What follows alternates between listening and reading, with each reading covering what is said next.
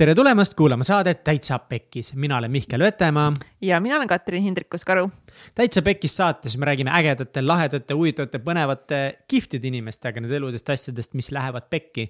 kuidas need asjad pekki lähevad ja kuidas siis lõpuks ikkagi võitjana kõigest välja tulla. tänases saates külas Mariann Treimann ehk siis enamikule tuntud kui Mallukas mm.. Mm kes on Mallukas? kes on Mallukas? Mallukas on Mallukas. blogija, ta on Eesti ühe kõige, kõige loetuma blogi autor.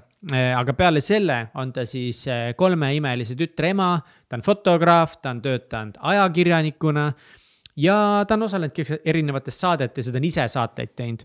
nii et ta paneb hullu ja peale selle ta on andnud välja siis kaks raamatut mm.. Püha taevas, sa oled rase oh,. sihuke, sihuke raamat, lihtsalt sihukese tegigi. ja teine on kes see Mallukas on ehk pohhuismi käsiraamat. Mallukas on reaalselt selline inimene, kes pigem tavaliselt ei jäta kedagi külmaks, et kas ta sulle meeldib või ta sulle ei meeldi. seal ei ole mingit teist varianti. jah, mingit keskmist varianti lihtsalt ei Kolmandat saa olla. You love her or you hate her. täpselt. nii et. vot, ta on sihuke vahetu, otsekohene ja humoorikas ja, ja tema blogis ja. saab väga-väga palju nalja. räägib asjadest nagu nii, nagu need elus päriselt on. ei räägi nagu ümber nurga ja ilustatult vaid kui nagu on ropusti, siis, siis on ropusti. vot. jep. aga. nii. jah, ma hakkasin juba ütlema, et enne seda, kui sa, kas sa tahad midagi öelda e? E, näiteks, näiteks on ta osalenud sellises saates nagu Me saime lapse ja siis äh, neil olid siis Kardoga enda sellised saated nagu Malluka sügis ja Malluka suvi äh,. siis kajastasid siis nende, nende elu, mis siis, kuidas siis perekond Mallukad oma eh, sügist ja suve veetsid, mis olid päris eh, toredad, naljakad, lõbusad eh, saated. perekond Mallukad, see on perekond Mallukad. noh, noh, sest Malluksid nad on natuke tuntum kui, kui Kardo, selles mõttes perekond Mallukad. no ma lihtsalt ise nimetasin, mitte et nagu keegi oleks teine seda teinud. ja tal on üks veider kiiks ka, mis minule näiteks üldse ei meeldi talle meeldib eh, külmaks läinud toit palju rohkem kui soe toit. ja mulle vastupidi, mulle külm toit näiteks üldse ei meeldi. ma olen normaalne, ta on ebanormaalne no pigem, pigem meeldib ka see soe toit ikkagist kui külm, nii et mallukas. sa oled tiim külmtoit üksi. ühesõnaga nii äh,, pikema jututa juba oleme siin pläkutanud küll, kui sulle see saade meeldib, siis tead mida? tead mida? jaga jaga veidi laavi, jaga veidi Instas, jaga veidi story des. või kui tahad, siis võid ka jagada palju nagu ja. jõhkrat niimoodi, et nagu massiivset nagu armastuse kuhi plahvatab nagu. no ei no, ma ei tea, ma võtaks rahulikult. ei, ma ikka kütaks täiega okay vist igale poole ja teiseks, teiseks, eh, kui sulle meeldib see, mis me teeme ja sa tahad, et me seda ikka nagu seksikalt edasi teeme siin, noh, tead video, pilt, värki on ju, mida sa pole kunagi veel näinud, sest me räägime, et paneme üles, aga tegelikult kunagi ei pane, kunagi ükskord ikka paneme. seal üks saade on. toeta meid patreonis.com kaldkriips täitsa pekkis ja tule ka toetajate pereliikmeks, seal on jumala, jumala väike armas arv teid ja ma täiega musutan teid kõiki, mida ma pole ka veel kunagi teinud, aga kindlasti kunagi ikka teen. aitäh ja head kuulamist tere tulemast saatesse, Mariann Treimann uh!. Uh, mallukas, mallukas. tšau, tšau, tšau. kursaõde. olen olnud, olen olnud. uskumatu. ja siin me oleme ainult kümme aastat hiljem. kõige kuulsam inimene, kellega ma kunagi koos õppinud olen. kuigi sõna, sõna õppinud võib panna suure kahtluse alla. kui palju sa õppisid seal? Või kui palju Mihkel õppis? oi, mina ei õppinud üldse, ma esimese aasta õppisin äh, tead, mul, mulle meenub, et ma läksin ju siis äh, Delfisse tööle. nii et ma tegin rohkem tööd vist mm -hmm. ikkagi, ma olen ikka tööloom. oota, aga miks sa, miks sa läksid õppima üldse seda reklaami? reklaami. ma ei tea, aga noh, põhimõtteliselt seda ma teen ju praegu tänase päevani. aga ei lõpetanud ära? kaua sa pidasid vastu? Vähe rohkem, ei, Mihkel pidas rohkem vastu. ei, mina pidasin kindlalt rohkem vastu, me jõudsime mingi ühe korra olid, koos peol käia või midagi. Äh, väga tubli, sa olid tublim kui mina. ei, ma olin kõva, okei okay,, tõesti, ma nagu kogu aeg teen ennast maha, aga ma olin tublim kui sina ülikoolis. palju õnne aga ma ei käinud tööl see-eest, ma elasin vanaema juures ja mängisin arvutimänge päevad läbi, nii et nice. mul oli nagu vähem oli. ma elasin oma kaalu. sõbranna juures, kes mu peika ära sebis Damn Bad trip okei okay,, jah mm., ma olin, ma olin kaks aastat nagu ära, aga mäletan seda, et, et korraks seal olid ja siis mingi hetk ma taipasin, et ma ei ole sind tükk aega sa näinud. ja, ja rohkem kunagi ei näinud You'll ka. never see me again. mis see laul oli aga kuidas sa sattusid, mis sa ütlesid, Delfis töötasid mm? mm? -hmm. mis, mis kuidas ma? sattusin sinna, tead lambist, mulle tundus, et äh, ma tahaks seda proovida, ma nägin mingit töökuulutust äh,. Ja ma mäletan, see oli publik ehk siis kollane meedia on ju. Mhm. mind ei ole kunagi see huvitanud, ma ei tea ühegi kuulsuse nime, nägu, ma ei tea mitte, mitte midagi. ma mäletan, et seal intervjuus küsiti mult, et äh, mis on sinu meelest suurim erinevus publiku ja elu kahekümne nelja vahel ja ma lihtsalt valetasin nii palju asju, kui ma vähegi pähe suutis tulla. mul ei olnud õrna aimugi, ma polnud kunagi kumbagi lugenud. aga ju siis ma olen nii hea valetaja, et tööle nad mu võtsid. ja iga kord, kui ma pidin mingit intervjuud või artiklit kirjutama, siis ma guugeldasin, kes ta on, mida ta üldse teinud on ja see oli nii igav töö, nagu mingi Britney Spears ajas ennast viiendat korda kiilakaks, nagu keda huvitab mm. -hmm. aga see oli mu töö. ja ma tegin seda, kuni nad mind vallandasid. siis ma ei teinud seda väga hästi. tead, kes oleks võinud arvata, et kui nad kogu aeg mind saadavad igasugustele pidudele, et ma ei või ennast siis täiesti silmini täis juua. Nad ei olnud kunagi maininud seda. oot, oot, oot, oot. Mind saadeti pidudele.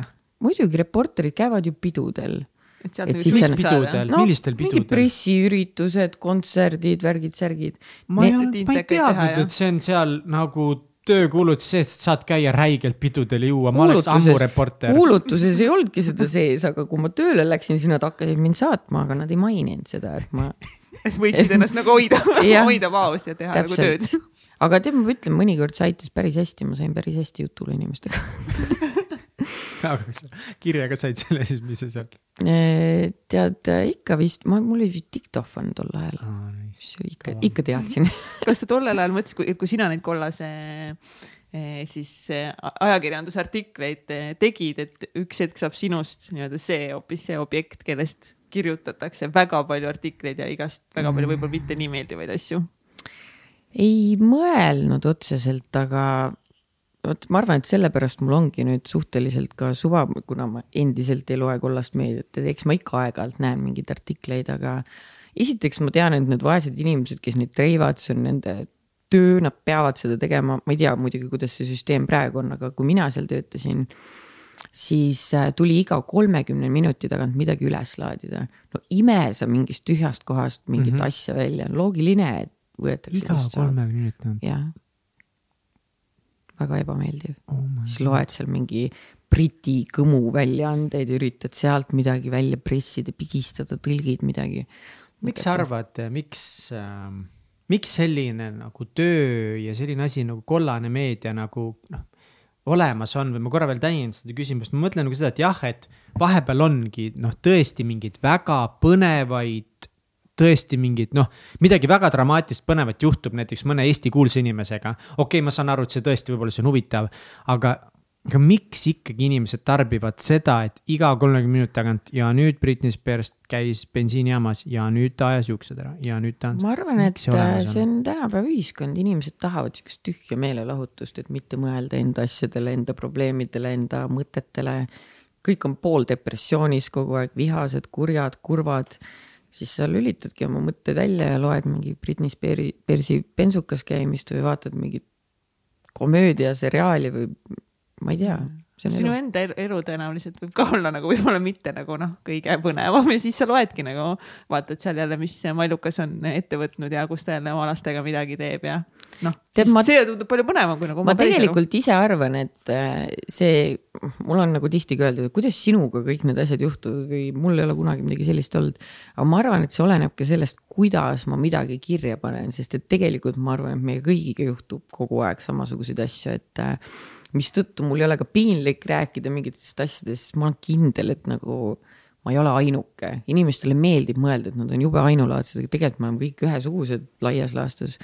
et äh, võib-olla see osa meeldib inimestele, et nad saavad relate ida. ma jah, ma olen ka bensiinijaamas käinud no. ma olen, ma olen sama hea kui Britney Spears. No,. ma ei tea, lihtsalt nagu ma tean, ma olen ainus, ma lihtsalt vahepeal nagu ma olen näinud neid ju neid pealkirju või ma olen nagu näinud, ma tean, mida kirjutatakse ja siis see mõnikord paneb mind ju sügavalt imestama ja ma tõesti tunnengi tohutult kaasa nendele noortele. ma ei tea, kas reporter võib selle kohta öelda või ajakirjanik, ma ei tahaks nagu ajakirjaniku sõna kasutada selle jaoks, kui siin ülesanne on lugeda nagu kuskilt Briti väljaandest nagu, mida mingid inimesed teinud on, siis kopeerida seda kuskile, et noh.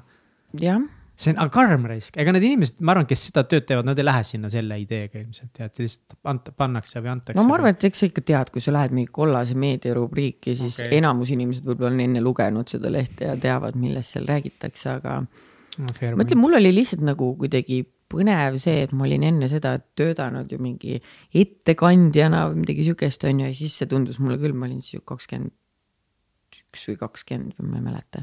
et siis see tundus mulle nagu oh my god, see on nagu real job, see on mu päris töö, ma olen nagu mingi vend, kes töötab Delfis, et see tundus mulle nagu kõva sõna.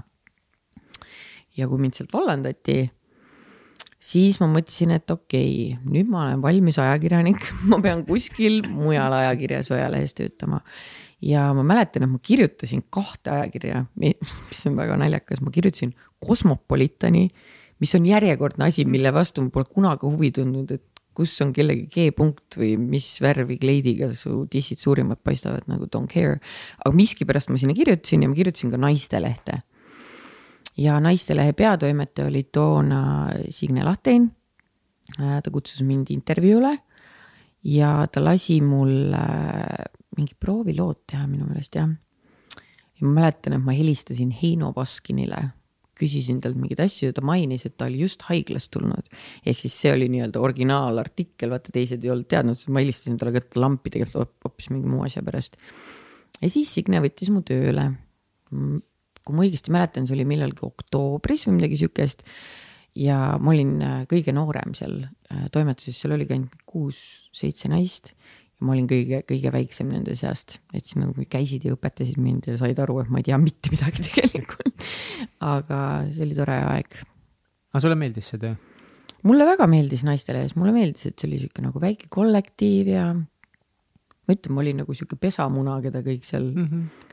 aitasid ja õpetasid ja üldse seltskond oli hästi vahva mäletan, et ka, umbes kaks kuud peale seda, kui ma sinna tööle läksin, tuli esimene jõulupidu ja me läksime kogu nagu mitte ainult naistelehega, vaid nagu kogu selle press-house oli see vist, kogu selle tiimiga läksime kuskile talvepäevadele.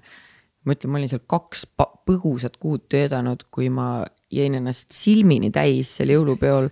mäletan, et ma lamasin kuskil duši all lihtsalt, siis koperdasin sauna, kus istus Signe, kahmasin teda rinnast ja küsisin, kas need on päris kui ma järgmine oh, hommik ärkasin, siis ma olin nagu okei okay. ilmselt ma siin enam kaua ei, kaua ei tööta, aga ma töötasin seal tegelikult päris kaua, ma arvan kokku mingi viis-kuus aastat äkki või. no nii pikalt? ja, ja vahepeal sain lapsi, siis ma korraks nagu olin emapuhkusel ja siis ma läksin tagasi. aga siis, kui ma, vist oli, kui ma teise lapse ära sain, Lende, enne ma käisin ju kogu aeg tööl ka ikkagi, ma lihtsalt blogisin niisama nagu enda hobiks või või nii. aga siis, kui Lende oli ära sündinud, siis ma arvan, et hakkas juba tekkima rohkem selliseid nagu artikleid, mille eest mulle maksti, mingid toote tutvustused, värgid, särgid. ja siis ma mingi hetk mõistsin, et kui ma saan, ütleme kolme sihukese artikli eest oma kuupalga, kus ma pean iga päev kohal käima, siis see nagu ei make'i sense'i väga, et alguses ma ikka pelgasin, et äkki, äkki nagu see läheb lappama, aga äkki ei pakugegi enam midagi. jah mm, -hmm. aga näed, siiani on äh, vedanud, kuigi igasugustes kommentaarides ja foorumites öeldakse juba aastaid, et mu blogi on alla käinud, kohe on sellel vesi peal, ma olen nii igav. aga see jutt on ka umbes viis aastat olnud, et eks siis näi-, näis, millal ma lõppsurm igavaks muutun. ma arvan, et senikaua, kui sa jagad elad. samamoodi edasi ja elad, et nagu siis äh, ikkagist äh, inimesed loevad ja tarbivad. see veeklaas on nii kaugel sinust. ta on jah kuidagi. nii kaugel aitäh. ma võin üldse sind ka laual lähemale tuua, kui sa tahad. ma ei saa, mul on mikrofon ees, ei ole hullu mm,. okei okay,, hüva. aga miks sa hakkasid üldse blogima? ma vist hakkasin blogima sellepärast, et ütleme, ma olin mingi neliteist ja ma ise sattusin kuidagi lambist lugema kahte blogi mm,. üks neist oli Taki blogi, Dagmar Lamp ja teine oli Tikri blogi, kes oli siis mingi, ta on vist minust, ma arvan, sihuke viis aastat vanem, ehk siis äh, ta juba elas omaette mingi korterikaaslasega, ma mäletan, et mulle tundus nii huvitav kuidagi lugedes, ta kirjutas ka hästi avameelselt, mida teeb ja kus pidudel tal käib ja, ja see tundus mulle nagu huvitav ja siis ma tahtsin ka proovida. ja ma hakkasin kirjutama siis äh, blogi sellel hetkel, kui ma olin dramaatiliselt lahku läinud oma tolleajase boyfriend'i Juhaniga. ja ma kirjutasin oma postitusi sellest kuidas ma ei tunne enam kunagi armastust. ja panin pildi juurde, kus ma istun aknalaual ja vaatan dramaatiliselt kaugustesse. ma muuseas lasin oma vanaisal selle teha, ma ei kujuta ette, mida ta mõtles nagu. ma mingi, papa, kuule, ma istun korra super dramaatiliselt siin aknal, viitsid must pilti teha. ja siis ta vaeseke tegi. nii see läks. sa olid siis mingi neliteist, viisteist? neliteist olin jah. neliteist jah.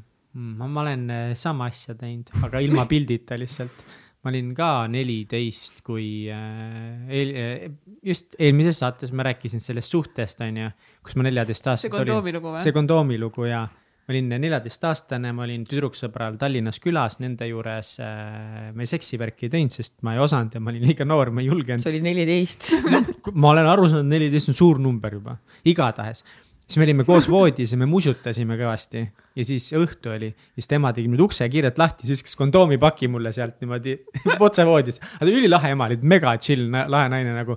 ja noh, mõnes mõttes ongi nagu, kurat, kui sa kardad, nad hakkavad seal seksima, sul on nagu kaks varianti, kas minna ja ajada nad nagu laiali, rikkudes õhtu ära või siis. no hea küll, ma viskan kondoomipaki ja loodan, et, aga ma arvan, et see Erkki Veiko arvas, et see oli taktikaline käik, et kui see kondoom ka mängu tuleb, et siis ma kindlasti ei saa hakkama nojah, hirmutab su ära, paneb pinge peale. ja, ja ma olen nõus, tegelikult eh, kui mingil põhjusel ma oleks seda nagu hakanud tegema, siis see kondoom oleks olnud nagu deal breaker. Ma ei oleks sellega hakkama saanud, igatahes. aga see tüdruk jättis maha siis lõpuks ühel hetkel. ilmselt sellepärast. Sa ei saa selle kondoomiga hakkama. ja siis ma mäletan ka mingi õhtu oli ja ma panin kõik tuled kinni, vanemad olid kuskil, ma ei tea, ära reisil või ma ei tea, kus kõik tuled kinni, mingi talveõhtu, ma arvan, ma arvan, kell oli mingi nädalavahetus, mingi üksteist, kaksteist öösel, lõpetasin mingi arvutimängude mängimise, sest sain selle kurva sõnumi. panin kõik tuled kinni. SMS-i teel jättis maha veel või ehm,? ei, seal Messenger, MSN-is. no aga siiski see elu käiski seal. noh, muidugi. see oli elu, come on, elu. sa ei hakka näost näkku kas sa mäletad, mis ta ütles ka sulle või? It's not you, it's me ei mäleta, see oli suht nagu, tõmbas kiirelt selle plaastri nüüd ära, et ta oli vist mingi, et kuule, ma jätan su äkki maha või ma ei tunne enam su vastu, et ma tunnen, et me oleme nagu sõbrad ja ma mingi üli straightforward lihtne midagi, ma ei mäleta väga, noh, viisteist aastat tagasi. ja siis äh, täpselt kurb muusika, ma kohe ei läinud, ei hakanud nagu nutma, aga siis ma vaatasin midagi nagu valesti.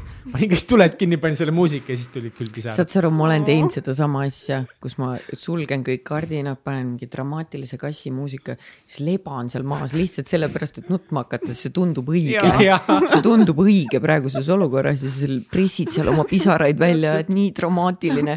ja ma alati muuseas mõtlesin nagu need kasslood, siis ma olin alati, oh my god, see oleks perfect music video praegu, kui ma siin laman ja nutan.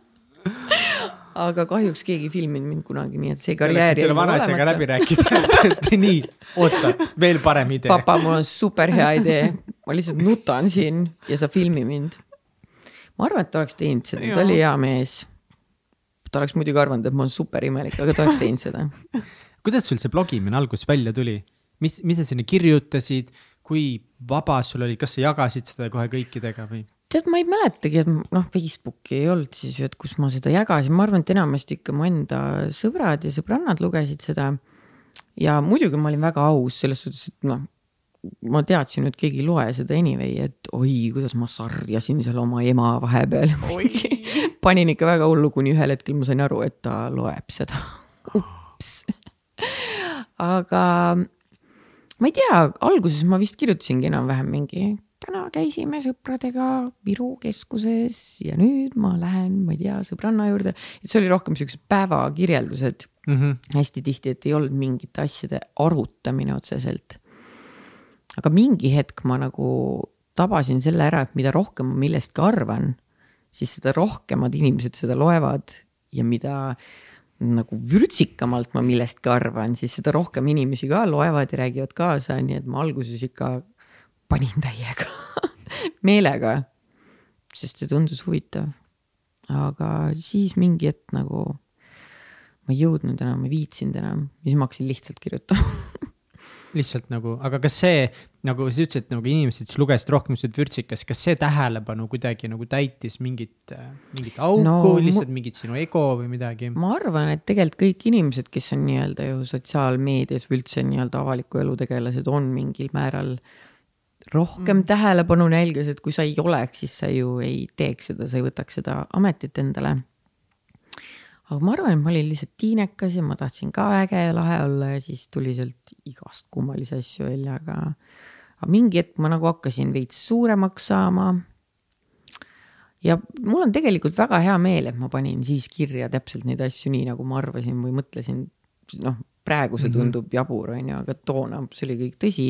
sest et arvestades, et mul on endal kolm tütart, nii et ma arvan, et üsna pea tuleb aeg, kus ma mõtlen, issand, miks ta mida teeb või mida ta mõtleb, siis ma saan avada oma blogi ja lugeda, kui retarded ma ise olin ja mõista neid palju rohkem, ma arvan aga millal sa hakkasid mingit eh, tundma seda, et, eh, et sinu väljaütlemised ei meeldi kõigile võib-olla ja nagu sihukest suuremat negatiivset tähelepanu saama? Tead, ma arvan, et esimene kord, äh, kui ma sain, muuseas, see oli esimene artikkel, mis minu meelest läks nagu kõige viralimaks võiks öelda, oli see, kui ma tegin selle Hitler emmede postituse. Äh, minu meelest ma juba jah, kirjutasin siis äh, seda beebiblogi ja võib-olla ma kirjutasin selle beebiblogisse või oma blogisse, ma ei mäleta, aga ühesõnaga, kuna ma olin rase esimest korda, siis ma otsustasin äh, Facebookis liituda siis mingisuguse beebigrupiga, mida ma ei olnud kunagi teinud.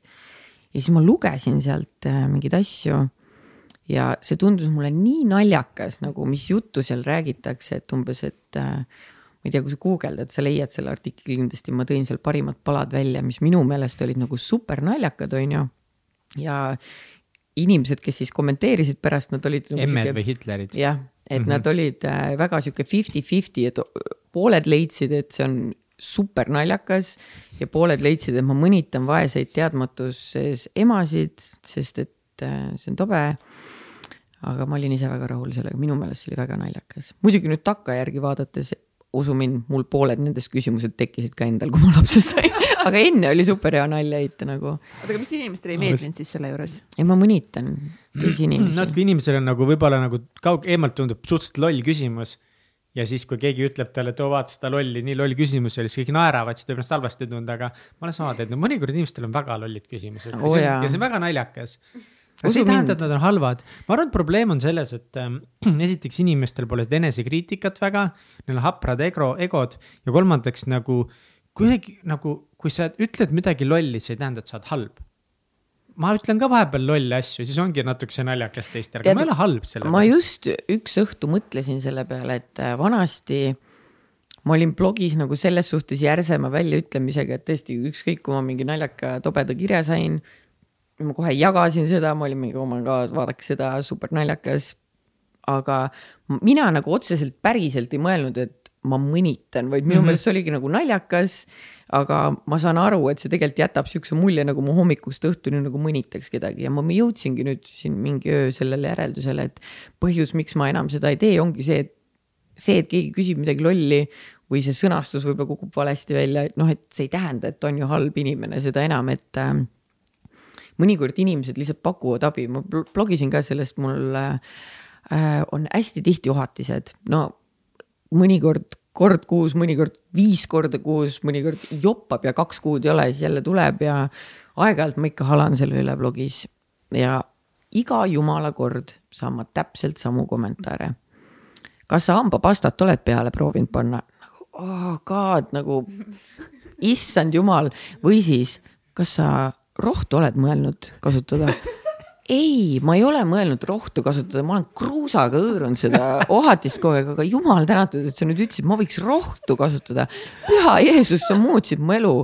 aga on ka radikaalsemaid äh, meetodeid, mida mul on soovitatud, näiteks uriiniga määrimine kõrvavaiguga määrimine üks ütles, et ma paneks nööri koos äh, muskaat, muskaatpähkliga kaela ja, aga mul oli tol hetkel tunne, et ma panen lihtsalt nööri kaela, sest ma ei suutnud, ma ei suutnud enam neid nagu. vaata, kui inimesel on paha olla, siis ta on niigi kergelt ärrituv mm ja kui su huuled on topeltsuuruses paistes ja mingeid ville täis ja sa ei saa normaalselt süüa ja rääkida. ja sa lihtsalt kirjutad siukse raevuka emotsioonipostituse, et issand, ma vihkan seda kahekümnes sajand või kahekümne esimene -hmm. palju meil käib praegu kakskümmend üks. no näed, napp. et äh, kuidas ei ole võimalik, et sihukesel asjal ei ole ravimit, on ju, ja siis inimesed hakkavad oma lolle kommentaare mulle laduma, mis jällegist, nad ei ole ju lollid, nad üritavad mind aidata, see on ju hea inimese tegu. aga lihtsalt no nemad võib-olla ka ei tea, et mulle on mm. sada korda seda ühte sama juttu räägitud. aga mina lihtsalt twitch in selle arvuti taga ja üritan mitte neile vastata mingi oh my god nagu ei see on nagu täpselt sama asi, et iga kord, kui ma panen ühe pildi, kus mu koduvaip paistab mm, -hmm. siis ma saan üheksa tuhat kirja mm, -hmm. kust su vaip pärit on. mulle ausalt siin kohas veem plahvatab, kui ma pean veel ühe korra ruuk.ee, ruuk.ee kirjutama, ma ei suuda nagu, saage aru, kust see vaip pärit on ükskord tere, mis probleemid ikka on. saad selles on, on ju esimese maailma probleem, aga ma ei tea, miks see ajab mind nii närvi.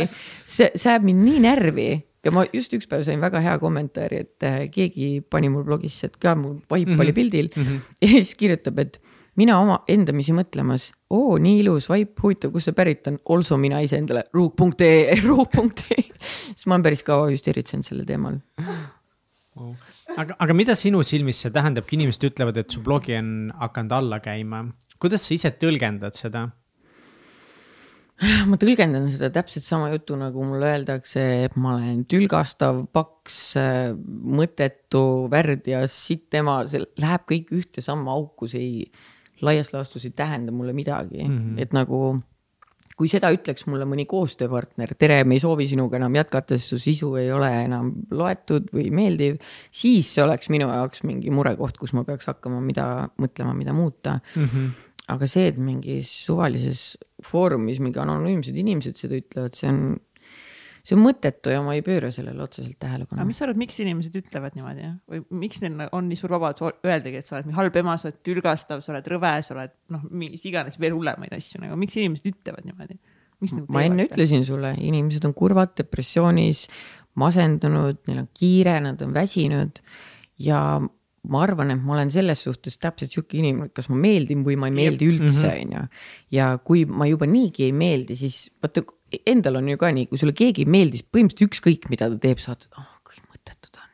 jälle ta sööb seal lõunat, on ju, et nagu sa ise ka ei mõtle su super ratsionaalselt ja kuna ma olen jah, suht siukse otsekohese väljaütlemisega ja lisaks äh, noh, paljudele jääb nagu kõrvalt vaadates ju mulje, et äh, mis töö see ka on, istud, saad kogu aeg mingeid asju tasuta, siis saad veel raha ka takkaotsa, istud, teed oma Instagrami ja blogid natukene mm -hmm. ja siis teine samal ajal käib üheksast viieni tööl, ta on mm -hmm. väsinud, ta tuleb mm -hmm. koju, ta tegeleb lastega.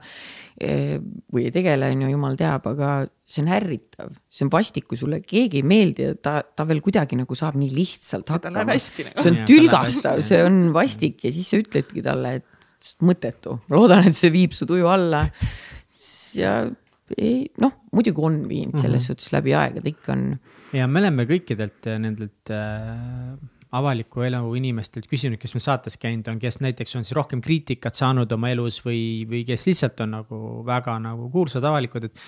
et kuidas sina, kuidas esiteks, kuidas selle kõigega oled nagu hakkama saanud ja mingi hetk nagu kindlasti pidi olema mingi hetk, kui seda hakkas siis nagu järsku rohkem tulema, ma arvan nagu, et.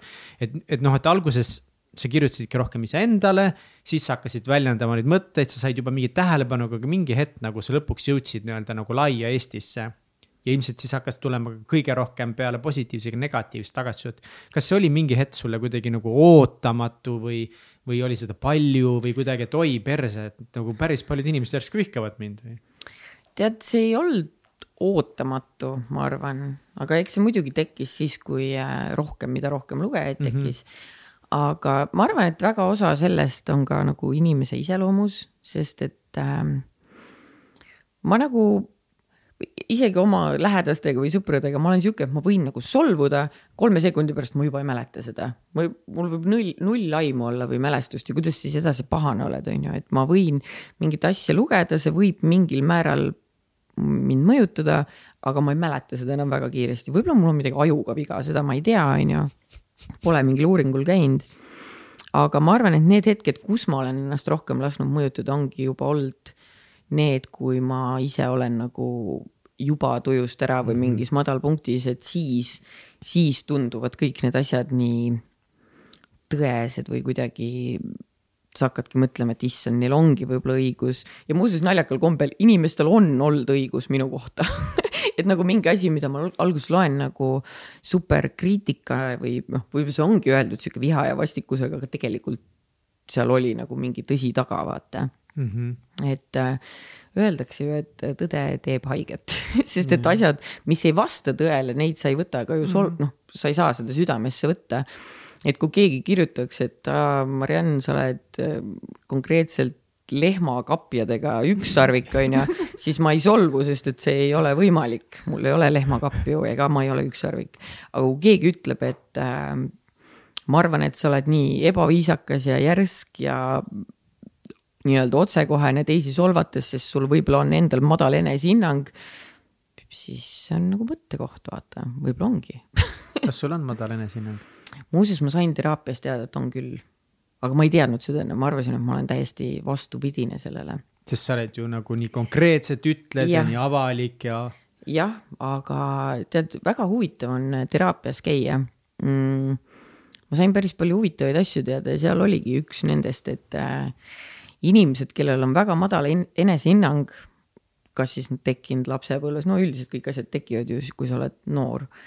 et äh, siis inimesed lähevad põhimõtteliselt kaht teed pidi, et ühed jäävad hästi endasse tõmbunuks, kinniseks, pigem vaikseks ja siis on teised, kes mm, nii-öelda oma ebakindluse peitmiseks loovad endale teistsuguse kuvandi, hakkad mängima kedagi teist, kes on hästi jutukas, kes on hästi avameelne, keda ei huvita. aga kuskil deep down inside sa oled mingi oh my god I hate myself nii et põhimõtteliselt nii see vist on. ja mõnikord, mõnikord see lööb välja, siis tekivadki siuksed enesealetsuse perioodid, kus sa võtadki kõike rohkem hinge. aga point ongi selles, et sa pead nagu läbi mõtlema need asjad no, nagu need kommentaarid on ju, need on ühest küljest ebameeldivad, aga teisest küljest seal võib ju mingi tõsi taga olla, isegi kui mitte sellel konkreetsel lausel, siis see, et see mulle haiget teeb, kuskil on põhjus, miks ja kui sa selle välja mõtled, siis see on jälle lahendatud ja siis elad edasi. ja millal sa üldse teraapias hakkasid käima? Äh, nüüd, äh, enne kui ma lahutasin, siis ma hakkasin käima. Ja ma leidsin super hea terapeudi, ta on nagu the best, mulle meeldib. Nüüd mu pooled sõbrad käivad tema juures aga kuidas sina selle otsuse vastu võtsid, just nagu näiteks teraapiasse minna, et äh, ma olen seda enne kuulnud, et inimestel ongi mingid äh, negatiivsed emotsioonid või raske millestki aru saada. siis on nagu palju asju, mida endaga nagu teha, et kas sa proovid mediteerida, ma proovin lugeda, ma proovin alla suruda, ignoreerida kõike. või näiteks ma lähen teraapiasse, kuidas sina selle otsuse enda jaoks tegid? tead, ma tegelikult olin sattunud Elina juurde umbes viis aastat tagasi või midagi sihukest. mäletan, et äh, ma, äkki ma sattusingi niimoodi, et ma, mul oli väga keeruline periood, see oli vist siis, kui ma tahtsin saada teist last ja mu rasedus katkes ja ma täiega kassisin. ja keegi soovitas mulle Elinat blogi kommentaariumist ja ma lambist läksin ta juurde. aga mis oli see, mida sa siis nagu sinna lahendama läksid? ma, ma mäletan, et mul oli nagu sihuke tunne, et äh, ma ei taha midagi teha et kõik tundub nii võimatu, nii mõttetu, et näiteks ma teen silmad lahti ja ma tean, ma pean tööle minema. aga ma ei taha seda teha, ma tegelikult ei oska ju seda teha ja mul tekkis nagu sihuke tunne, et oh my god, ma olen seda mitu aastat teinud, aga ma ei oska ju tegelikult seda teha ja no ma olen lihtsalt nad uskuma pannud, et ma oskan, aga tegelikult ma ei oska, see oli nagu. ma ei oska neid mõtteid seletada mm, -hmm. ma mhm. sain ise ka aru, et need ei ole ju tegelikult ratsionaalsed. ja ma tundsin korraga, et ma olen nagu sitt töötaja siit ema, mu laps ei rääkinud, ta oli mingi kahe koma viie aastane, ta ei rääkinud ühtegi sõna. Ja siis hakkas sealtpoolt tulema nagu blogis hästi palju vastukaja, et issand, et äh, see on sinu süü, järelikult sa pole rääkinud temaga me käisime ju tegelikult igal pool arstide juures, siis mulle öeldi, et aa jaa, ta võib üldse vaimupuudega olla. ja sa, see lihtsalt ähm, kammis mul nii ära, sest et see oli mul esimene laps, on ju. mina ei teadnud täpselt, millal nad rääkima hakkavad või noh, ma teadsin, et at one point, aga kõik ütlevad, lapsed on erinevad, mõni hakkab tead viieselt on ju, noh, mitte ma nüüd arvan, et seegi normaalne oleks, aga et ühest küljest öeldakse, et ära muretse, kõik tuleb omal ajal ja siis sa lõpuks lähed sinna arsti juurde ja nad on mingi, ta võib-olla on vaimupuudega, võib-olla te ei hakkagi kunagi rääkima, võib-olla te peate hakkama viipekeelt temaga kasutama ah,. see oli väga-väga rõve ja siis hakkasid äh, tulema need kommentaarid, siis vaata, see ongi lööd kedagi, kui ta juba mm -hmm. lamab ja siis mhm. tuligi, oh, ma olen kogu aeg arvanud, et ta on vaimupuudega, vaatame, kuidas mm -hmm. välja näeb. et mul on vastik vaadata. kohta ilmselt kõige hullem saada, iseenda kohta saada midagi tagasi on savi ja kui keegi sinu laste kohta midagi. ja, ja, ja no seda enam, et, et nad ütlesid ju, et, et mina olen süüdi ka, on ju, et muidugi ma mõtlesin seda ise ka, on ju, et muidugi sellepärast see vist ilmselt oligi nii haavav kuidagi, sest et ma kartsin ise ka seda, et äkki, äkki ongi, äkki ma rääkisingi liiga vähe või ma ei tea ju täpselt, palju teised räägivad või mis mastaabis on ju mm. -hmm. ja siis ma pidin tegema mingi puude taotluse talle ja see tundus mulle juba nii õudne nagu, et issand jumal, mingi väike laps ja nüüd ta on puudega, see sõna tundus juba mm -hmm. mulle nii hirmus kuidagi. aga ma ikkagi arvan, et selles suhtes see oli hea, sest et ähm, tänu sellele ta sai rehabilitatsiooniplaani, ta muuseas siiamaani käib eripedagoogi juures ja loovteraapias ja seal on psühholoog. ta oskab nüüd rääkida selles suhtes, aga see on lihtsalt, ma arvan äh,, iga lapse arengule selles suhtes hea, hea või noh, halba ta ilmselt ei tee, et nad seal mängivad ja see tema terapeut Ettel on juba ammu tal aastaid on ju sõber olnud ja tal käivad seal isegi päkapikud ja ta õpib seal tähti ja numbreid, et mm -hmm. mõnikord on ikka tore kellegi teisega midagi teha, kooli mängida ja värki. ja kuna ma rääkisin sellest äh, tegelikult üsna avalikult ka, siis ma olen saanud väga palju kirju erinevatelt äh, peredelt, mm, kes tänavad mind, sest et nagu, nagu ka mulle tundus see sõna alguses nii õudne, et äh, on väga palju lapsevanemaid, kes alguses on mingi ei, et ma ei, ma ei taha talle mm. seda kirjutada või kui sa täidad seda paberit, on ju, et sa pead nagu hindama nii-öelda tema võimeid, mille järgi siis määratakse, et mis sorti puue tal siis on, on ju. mis Mari puhul lõpuks jäi lihtsalt kõne helistumine mis oli way parem kui algne vaimupuue mm. -hmm. ta oli nagu lõbusam diagnoos lõpuks, aga kui sa ise täidad seda paberit, siis sa emana tahaksid ikkagi nagu, sa ei taha nagu halvasti võib-olla öelda või et sa ikka oled mingi, aga tegelikult mina ju saan temast aru või mina tean, mida ta mõtleb. aga tegelikult noh, sellel ei ole pointi või seda ei ole mõtet vältida või karta, sest tegelikult äh, väga paljud lapsed ja üldse ka täiskasvanud inimesed vajavad mingisugust lisaabi, lisatoet, tuge kuidagi, no umbes nagu teraapias käimine mm, -hmm. et nagu kõigil võib olla midagi vaja ja seda lihtsalt lapsele mm, keelata või proovida ise hakkama saada, kui sa ei ole ekspert mm -hmm. selles, siis see ei pruugi nagu hästi lõppeda. et äh, pigem see stigma on nagu halb, et. pluss see hirm vaata, et need, kui sa nüüd selle võib-olla teed, et, et sa justkui nagu kirjutadki nüüd alla sellele et võib-olla see, et ah, ma olengi alla andnud, nüüd ta on nagu puudega kuidagi, ma olengi, et ma, ma põrusingi läbi. et ma olengi nagu kehv lapsevanem, tore, ma ei rääkinud temaga järelikult piisavalt ja nüüd ta on puudega. Aga eks sa ajaga saad aru, et äh, sa võid teha põhimõtteliselt ükskõik mida, aga kui sa ei saa teha teis-, nagu spetsialisti tööd, sul ei ole vastavat haridust või võima-, võimekust seda teha et äh, ma mäletan, et ma sain ka kunagi kommentaari, kui ma kirjutasin sellest teemast, et talle see puue määrati. ja siis keegi kirjutas mulle, et noh, väga tore, et nüüd tal jääb elu lõpuni see paberitesse, et proovigu kuskile tööle saada, ise on puudega.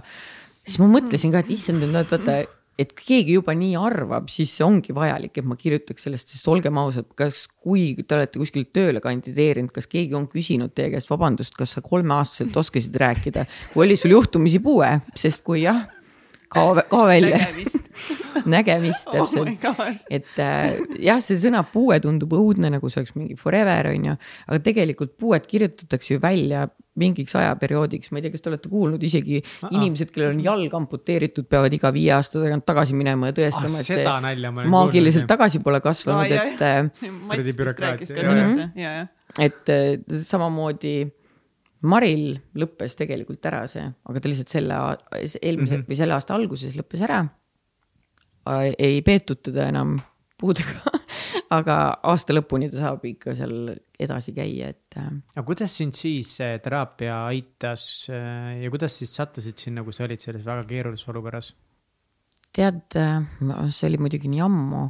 no sa ei pea sinna nii. jah, et ma mõtlengi, et see terapeut Elina on kuidagi selline, et kui sa räägid temaga millestki, siis ta ütleb sulle põhimõtteliselt sama asja, aga teise nurga pealt, mida sa ise pole nagu läbi mõelnud või sa pole aru saanud.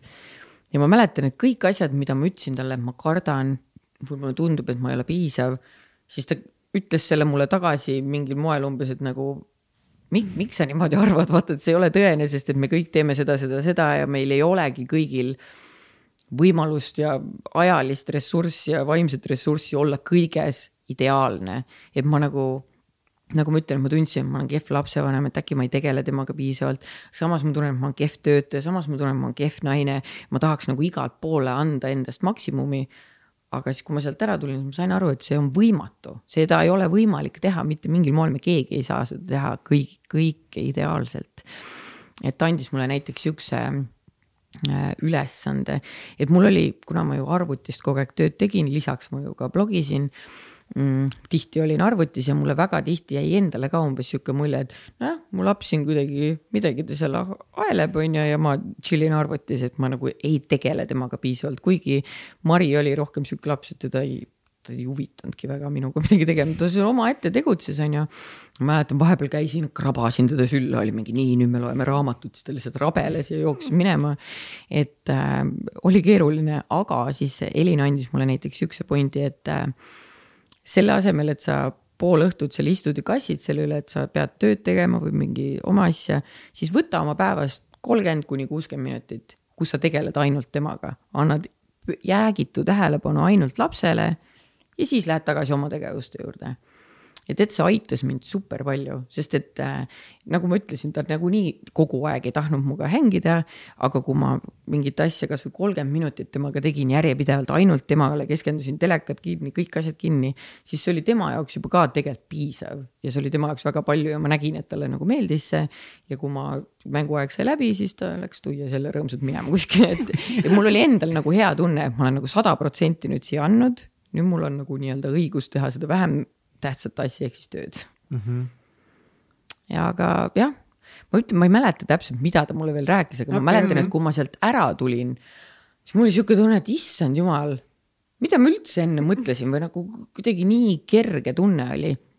ja ma võin öelda, et iga kord, kui ma tema juurest ära tulen, siis mul on alati nagu huh, nagu ma saaks kergemalt hingata või kuidagi kellegi teise perspektiiv mm., eriti inimene, kes on viisteist aastat olnud terapeut, ütles mulle, et enamus inimesed ongi mingi viis põhjust, miks inimesed sinna tulevad, kõik arvavad jälle, et nad on nii erilised, aga tegelikult põhjused on suht samad, on ju, lihtsalt olukord on erinev. mis on need viis põhjust, kas sa oskad nüüd ette öelda Tead, või ei mäleta? ma ei tea, ei ta ei öelnud mulle ah,, okay, ta lihtsalt okay, ütles mulle okay., et on siuksed väga tüüpilised viis põhjust mm. ja põhimõtteliselt kohe, kui klient tuleb, siis ta enam-vähem saab aru juba, kus kanti see nagu läheb. Unique Marias. aga nüüd äh, nagu fast forward, jälle ingliskeelne sõna, kurat küll, no sorry, no siin vahepeal mõni kirjutab, et mingi, mida sa räägid inglise keeles. jah, mulle ka öeldakse. Any, anyway, anywho, anywho, anywho, by the way um,, this one thought ma ei tea, kuhu ma tahtsin minna. Ah,, teraapia nüüd et äh, mis siis, äh, mis oli nüüd need elu keerdkäigud, mis panid sind uuesti seda otsust vastu võtma, et võiks teraapiasse minna mm,? tead, ma tundsin, äh, et ma olen kuidagi nagu lõksus või ma ei, ma ei oska seda seletada, ma, ma tundsin, et ma elan nagu mingit elu, ma olen abielus, mul on kolm last, ma teen oma mingit äri, on ju. käin sõbrannadega väljas, mul on nagu kõik on nagu olemas, aga mulle tundub, et mulle ei sobi siin miski ja ma ei saanud aru, mis, sest et kõik on ju korras. ja mul hakkaski tekkima sihuke tunne, et ma olen nagu hulluks läinud või kuidagi, et ma ei saa ise aru, mis, mis mind häirib. ja see mõjutas mind selles suhtes igapäevaselt väga palju, sest et äh, mul tekkis rohkem seda, ma nagu ei tahtnud väga kodus olla, ma käisin kogu aeg nagu sõbrannade pool või sõbrannadega väljas, rääkisin nagu nendega palju rohkem kui kodus mm. enda abikaasaga, sest et ma kuidagi tundsin, et ma ei oska enam ja ma ei saanud aru, mis seda põhjustas ja siis ma läksingi sinna, mõtlesin, äkki ta teab. kahe nalja teadiski ma ütlen, imeline inimene, et äh, äh, kuidagi jah, seal harutus see kõik mu ees lahti, kui ta rääkis mulle nagu enda vaatevinklist. siis ma olin nagu, aa, issand, ongi nii, umbes, et äh, seda oli lihtsalt huvitav mõelda ja kuulata. aga mis sa teada said siis, mis sind pani siis mõtlema nagu elu üle järgi? no laias laastus me jõudsimegi sinna punkti, et ilmselt ähm, äh, kui ma hakkasin Kardoga koos olema, me olime ju tegelikult väga noored, me olime vist äkki kakskümmend üks või jah, mm. midagi sihukest, sest kakskümmend kaks ma jäin juba rasedaks, me olime viis kuud koos olnud, kui ma jäin juba rasedaks. Konkreetselt põhimõtteliselt võõrast tüübist et ähm, kuidagi nagu hakkasime kohe seda pereelu elama, aga meil ei olnud kunagi kahekesti aega, selles suhtes, et vaevu teadsime teineteist, siis ma olin juba rase, siis me elasime juba koos, siis me saime imiku. siis kuidagi ma olin pauh jälle rase siis ma sain uue imiku ja kae perra sain veel kord ühe imiku, et nagu aga kas see nagu, ma ei tea, kas ma võiksin küsida, kas sa oled nagu tahtnud lapsi saada kogu aeg või te olete kogemata või te ei oska kondoomi kasutada nagu mina ei osanud neljateistaastaselt või? me meelega oleme selle ühe keskmise teinud jah. Okay.. esimene, esimene oli pillid, ei work inud. ja tegelikult ja või? infoks teile kõigile, kui te võtate antibiootikumi, siis pillid ei tööta samal ajal. okay.. mina sain teada the hard way. Okay.. ja viimase lapsega, Martaga, mul spiraal pani jeed konkreetselt kaks korda. Äh, ma lasin selle endale paigaldada, sest ma mõtlesin, ma ei taha mingeid pille või asju võtta, et palju yeah. kergem on, kui yeah. lihtsalt see on. ja lasin selle endale paigaldada. Ja see oli kõik nagu mingi megavalus ja rõve ja kuidagi kogu aeg oli väga ebameeldiv olla, aga kõik teised olid mingi, ma ei tea, mul ei olnud üldse vaata, et see tundus nagu kahtlane, aga ma istusin ja kannatasin. see tundub mulle nagu, sorry, see tundub kõige haigem asi maailmas, mis teha nagu ja ma vist lõpuks guugeldasin sellepärast, et ma, minu kujut-, Elmas see spiraal läks lõpuks nagu väga räigeks ära, mida me ette kujutasime. midagi sellist või? ja, ja ei no ma mõtlesin legit, et noh, tead neid spiraale, mis sa paned nagu sulle. sinna mingi sääse vastas, mis kraanis paned ah,. ma mõtlesin, et noh, lõpuks keegi keerab sihukese asja sisse sulle või mis toimub nagu. siis pidin guugeldama ikkagi still nagu. no ta on tegelikult ülipisikene plastikust no, ikka väike junn. ikka nagu tundub nagu, aga pillid ka, kui ma olen nagu lugenud, mida need pillid ja, teevad, see on ikka perse. no ega see spiraal on põhimõtteliselt sama asi, need on ikka hormoonid mõlemad on ju aga see oligi niimoodi, et ühel hetkel mm,, issand, see oli tegelikult päris naljakas, ma lihtsalt äh, konkreetselt, mul olid kolm kuud järjest päevad ja arst oli mingi, see on normaalne ma ütlesin, kuidas ei tundu nagu supernormaalne, vaata, aga noh, ei no kui ta ütleb, et see on, noh, siis ma olen mõeldud vagiinas surnuks veritsema, it's fine. ja mingi hetk läksin vetsu.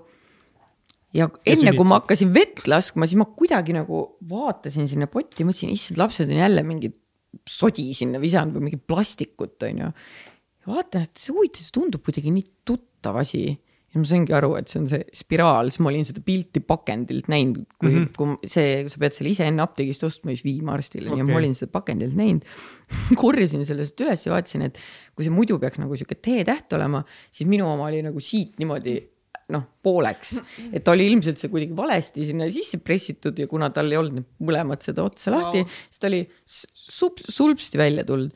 ja saad sa aru, ma läksin arsti juurde, ta oli mingi, see on võimatu, seda ei juhtu mitte kunagi. vaatab, ütleb, noh, samas tõesti ei ole. ma mingi, no ei ole jah, sest et ma nägin seda, ma võtsin selle välja vetsupotist, ma ei tea, palju te neid panite sinna, aga siin, siin, siin. sa kaasa ei võtnud arsti juurde seda?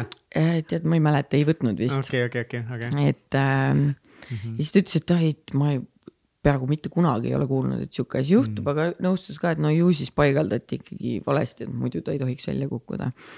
ja veel mõtlesin, et no vaadake, kuidas teil vedas, et vähemalt te nägite, sest muidu sa poleks ju teadnud ja siis sa oleks ilmselt mm -hmm. kohe mhm. rasedaks jäänud, sest ma reaalselt jään iga asja peale rasedaks nagu mitte just iga, see nõuab ühte spetsiifilist tegevust, aga aga no samas iga asja peale. aga konkreetselt ja siis ma olingi mingi halleluuja, jumal tänatud, sest et mul oli ju lende oli alles pooleteistaastane, midagi sihukest ma olin lihtsalt nii dead inside, juba mõte sellest, et ma peaksin uuesti olema kõigepealt üheksa kuud rase, sünnitama ja siis äh, veel kolme lapsega elama tundus nagu utoopia. ja palun väga. ja siis ta pani mulle uue spiraali. ja ütles, et äh, tule igaks juhuks, siis tule kuu aja pärast uuesti kontrolli, et vaatame, kas ta on ilusti alles sul. ja ma tegin seda, ma läksin sinna, ta oli kõik on timmis, võid aasta pärast tagasi tulla uuesti kontrolli. Ja kõik oligi super timmis ja ma läksin rasvaimusse. ma käisin rasvaimul mm, -hmm. see oli great times ja sellega kaasneb siis sihuke asi, et noh, muidugi see toimub kuskil siin, siin piirkonnas, aga siia tekivad ju igast verevalumid ja siis, kui sa lõpuks püsti oled või noh, elad nüüd mõned päevad peale seda, siis verel on komme allapoole valguda, nii et see nagu kõik su sinikad on siin lihtsalt siin private areas, mis näeb super haige välja nagu reaalselt see näeb välja nagu see oleks väga suure peksu osaliseks saanud oma kehasse.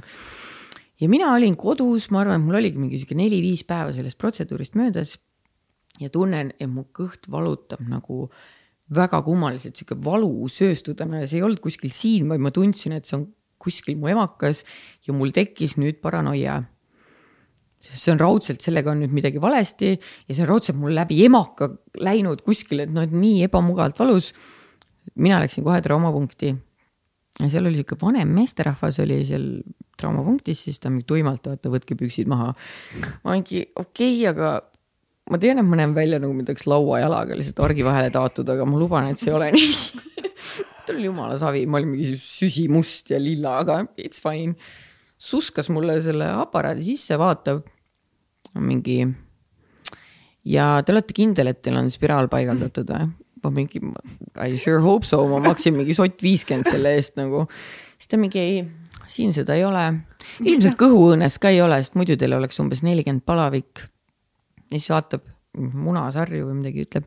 jah, ühes munasarjas on siis, ma ei saagi täpselt aru, kas see on nagu tekkiv rasedus või ovulatsioon, et noh, eks te võite ise homme hommikul testi teha, et noh, see oli õhtune aeg, vaata rasedustesti tehakse ju hommikul, on ju. et minge tehke siis. ma lihtsalt olin mingi.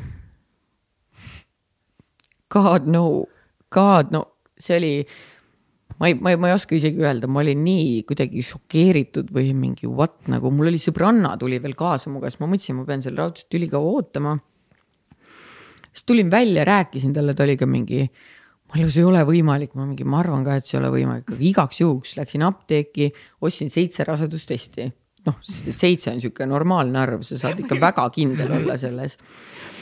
ja mõtlesin, et okei okay,, nüüd ma pean nagu hommikut ootama ja siis samas mõtlesin, mul on seitse tükki, kes see takistab mind seda kohe praegu tegemast.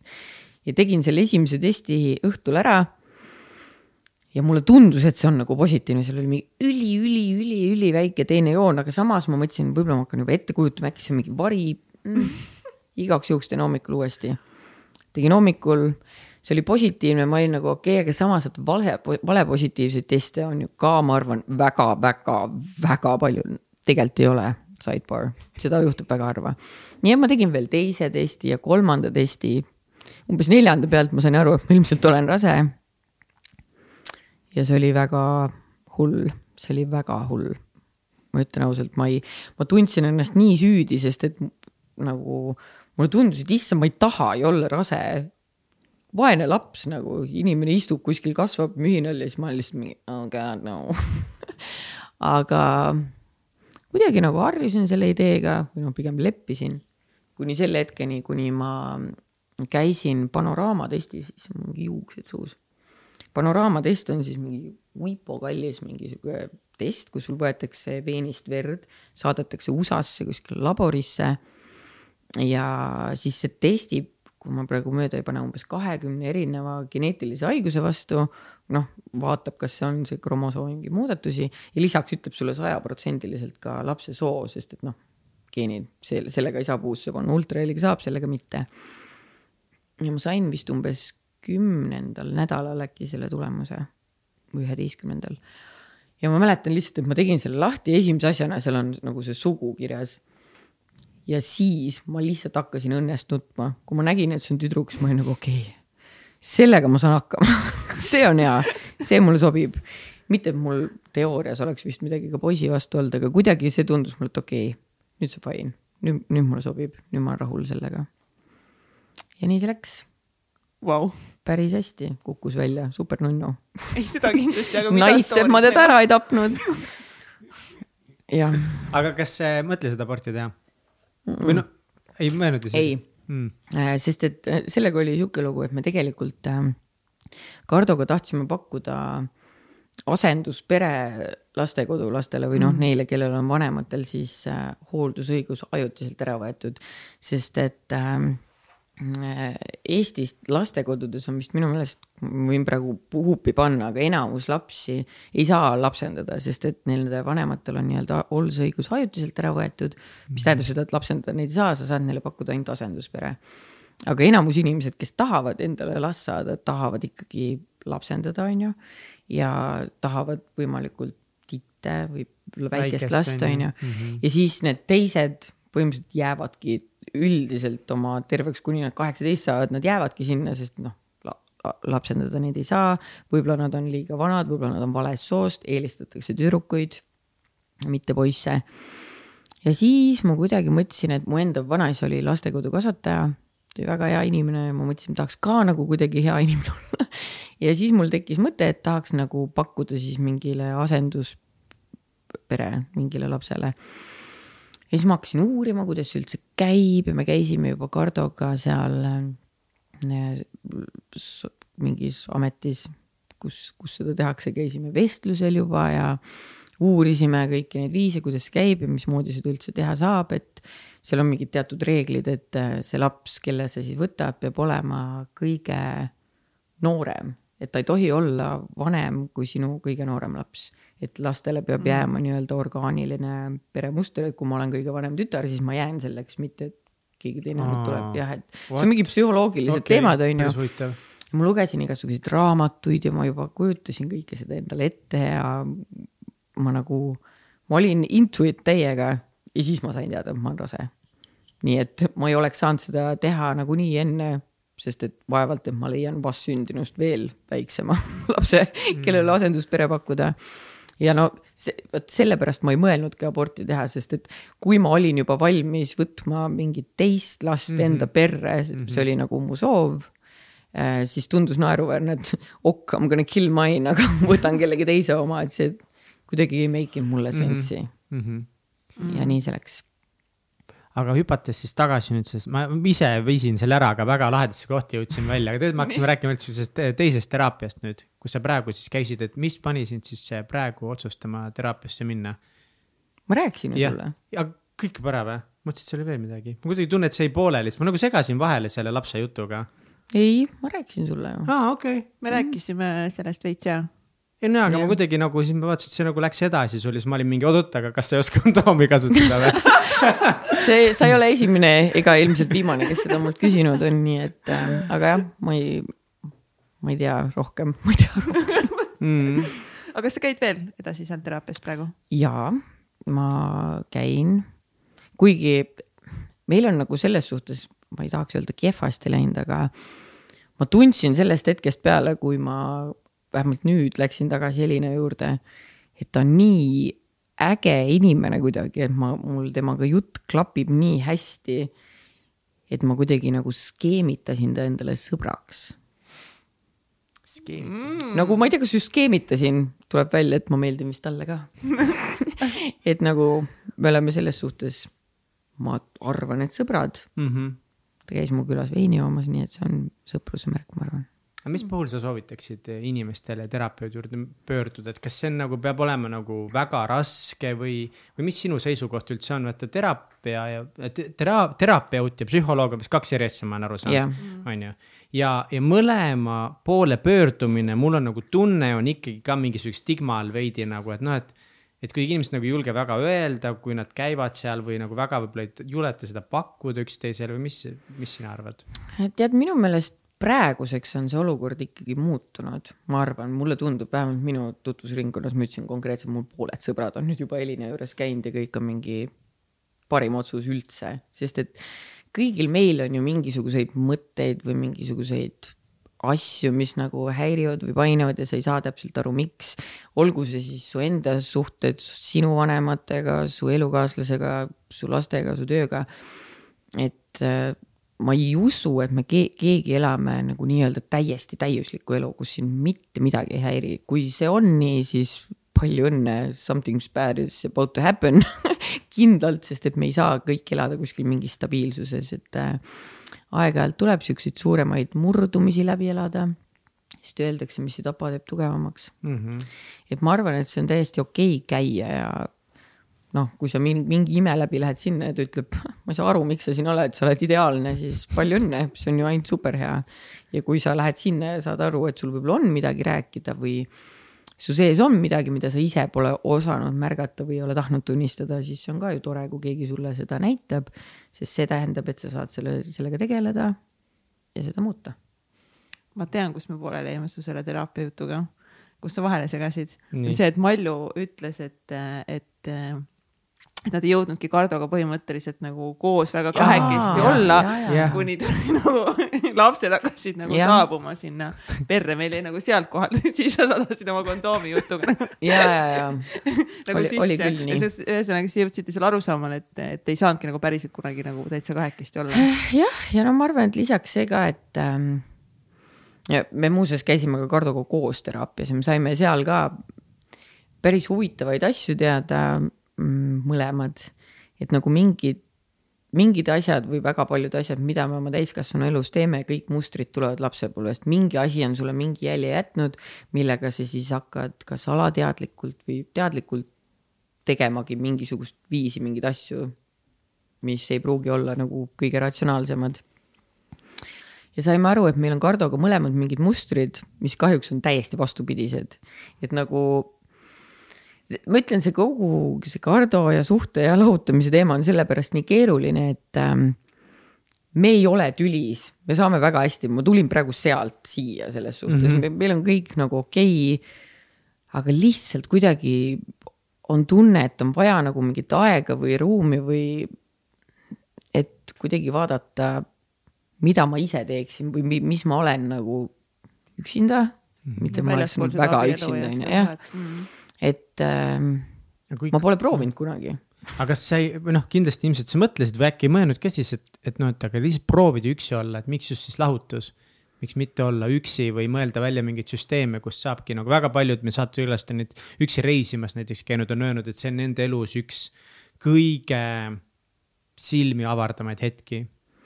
tead, kui sa praegu nüüd küsid, siis ma ei ole kindel miks me kohe lahutama pidime ei no, kui asi on päris hea mõte, kurat. ei no kui asi on siis, siis on kohe vaja, vaja ära teha kohe, nagu siin ei ole vaja oodata. mulle tegelikult äh, vist tundus rohkem see ka, et äh, et vaata, nagu ma ütlesin, et elus on vaja mingeid suuri muudatusi, mingeid suuri raputusi, mis muudaksid nagu seda üldpilti. Ja mulle tundub või tundus, tundub, et äh, see on piisavalt nagu suur asi, siis see on nagu tehtud, see on lõplik, sest muidu võib alati jääda nagu sihuke mulje, et noh, küllap see on äkki ajutine, sest et mina arvan, et mina tahtsin või noh, siiani tahan, et Kardo muudaks mingeid asju enda juures, aga seda ei juhtu, kui ma seal lingering kuskil kõrval ja aitan ja patsutan õlale, et ta peab ise hakkama saama, suureks saama. siis vaatame, mis edasi saab aga ma ei tea, millal see juhtub. ma just käisin temaga poes, ostsin süüa ma ei ole kindel, kui hästi me selle praegu tööle paneme, aga noh, anna aega atra seada, me alles kuu aega tagasi lahutasime. aga mis tunne on nüüd üksinda siis olla ja, ja, ja lapsi ka selles mõttes nagu kasvatada nagu vahepeal siis üksinda? oh, tead, alguses oli nii dramaatiline, ma olin nii kuidagi täpselt muusikavideo, vaata, mina lamamas oma korteris üksinda erinevates kohtades nutmas. aga mm, vaata, kuna meil on lapsed nädal-nädal, siis kui lapsed on seal, siis see on suht keeruline kuskil lamada ja nutta, sest et nad tahavad väga palju asju ja suht imelik oleks ka, kui ma seal kuskil itkuksin, on ju. ehk siis siis mul olid nagu käed-jalad tööd täis. ja ma sain esimest korda aru, kui keeruline on omada kolme last ma tean, et see kõlab naeruväärsena, sest mul on päris kaua olnud kolm last, aga also olen ma ka päris kaua elanud niimoodi, et mul on Kardo kakskümmend neli seitse kodus ja mul kaks meetrit eemal Eh, meetrit eemal elab ämm, kes on ka kogu aeg kodus, mis tähendab seda, et mm. äh, isegi praegu sihuke väike asi, et oh, tahaks korraks poodi minna tähendab seda, et ma pean nad kõik riidesse panema, kuidagi koos töölainele saama, võib-olla kuidagi läbi häda Marta vankrisse suruma, kes ei taha seal olla. ja siis kuidagi kablutama nendega sinna Balti jaama turule alla Selverisse. ja ma mäletan, kui see esimest korda juhtus, see oli kohe vahetult peale siis seda, kui see oli juba uudistes, et me oleme lahku läinud ma olin just kolinud sinna korterisse. ja siis ma, mul oli poest vaja midagi, mul olid mingid pakid seal ja siis ma koperdasin nende kolme lapsega sinna. Marta röökis nagu ratta peal, mina nägin super sorgus välja. Mari ümises laulujuppi ja Lende oli nagu mingi sees surnud, ta ongi siukse näoga kogu aeg. ja siis ma selle kolmese pundega seal liikusin ja ma, ma tundsin, kuidas kõik vahivad mind mingi oh my god, vaata, see on seal lahutatud mallukas oma kolme lapsega, kes nutavad ja tead sihuke mul oli ma olen harjunud elama Männikul, kus poes käivad põhiliselt kodutud ja jalutud ja joodikud, kes ei tea absol, kes ma olen uh. -huh. aga nüüd kuidagi kesklinnas, see oli keerulisem. see oli alguses päris raske jah. aga tead, ma õppisin elama sellega, ei, ma ei osanud oma lapsi paremini hallata, ma hakkasin e-poest tellima süüa ma ei käi enam uksest väljas, kui nad minu juures on. ma ei lähe kuskile. kuidas te lastele rääkisite seda? tead ausalt öeldes äh, ma lihtsalt noh, Lendele ja Martale pole nagu eriti midagi, midagi rääkida, on ju, mhm. nad lihtsalt tulevad, kuhu öeldakse aga Marile ma ütlesin, et näed, et nüüd on emmel oma kodu ja issil on oma kodu. ja ta oli alguses lihtsalt nagu noh, tore, nice, lähme vaatame su kodu siis et nagu see oli huvitav tema jaoks. ja ta mingi hetk nagu küsis, et, äh, et, äh, et miks sa ei taha umbes siin elada siis ma ütlesin, et ma tahan lihtsalt oma kodus elada, siis ta oli mingi okei okay. Ja siis ta dissis mind, et mul on nii väike oma kodu, aga issil on nii suur vabandage, meil kõigil ei ole eramaja Nõmmel Varnast võtta, onju. minu meelest oli ma nii, naersin selle peale, mõtlesin nagu, et see on nii lamp, siis kui sa kodu otsisid endale, siis et ja keegi tahab sulle korterit üürida, üürile anda sellepärast, et sa oled mallukas nagu. jah, ei tahtnud küll aga ma jõudsin pärast järeldusele, et ilmselt see oli sellepärast, et ähm, enamus äh, üürileandjaid ei taha ju seda teha ametlikult, nad ei taha maksta seda mingit mm., mis iganes maksu, on ju. et selles suhtes on ju arusaadav, et kujutad ette, kui ma näiteks pärast kuskil blogis mainin, oo, mu korteri omanik käis täna üürile järgi või noh, mida ja, iganes, on ju. et siis on pigem ohtlik ja mm -hmm. seda riski ei maksa võtta. aga ma lõpuks leidsin selle vaese õnnetu eh, kuhu ma nüüd tegelikult kolin, ma kolin kohe laagrisse. Mul ei sobi see kesklinna huud, see on liiga ei kaugel mitte, et mulle ei meeldi, no ma olen juba ära harjunud, ma olen mm -hmm. neli kuud seal peaaegu elanud, aga.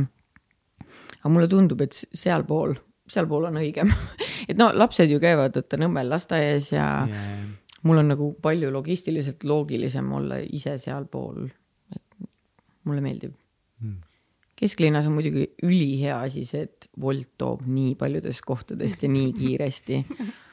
ma vannun, ma olen selle nelja kuu jooksul mingi võib-olla viis korda süüa teinud või. Jesus Christ.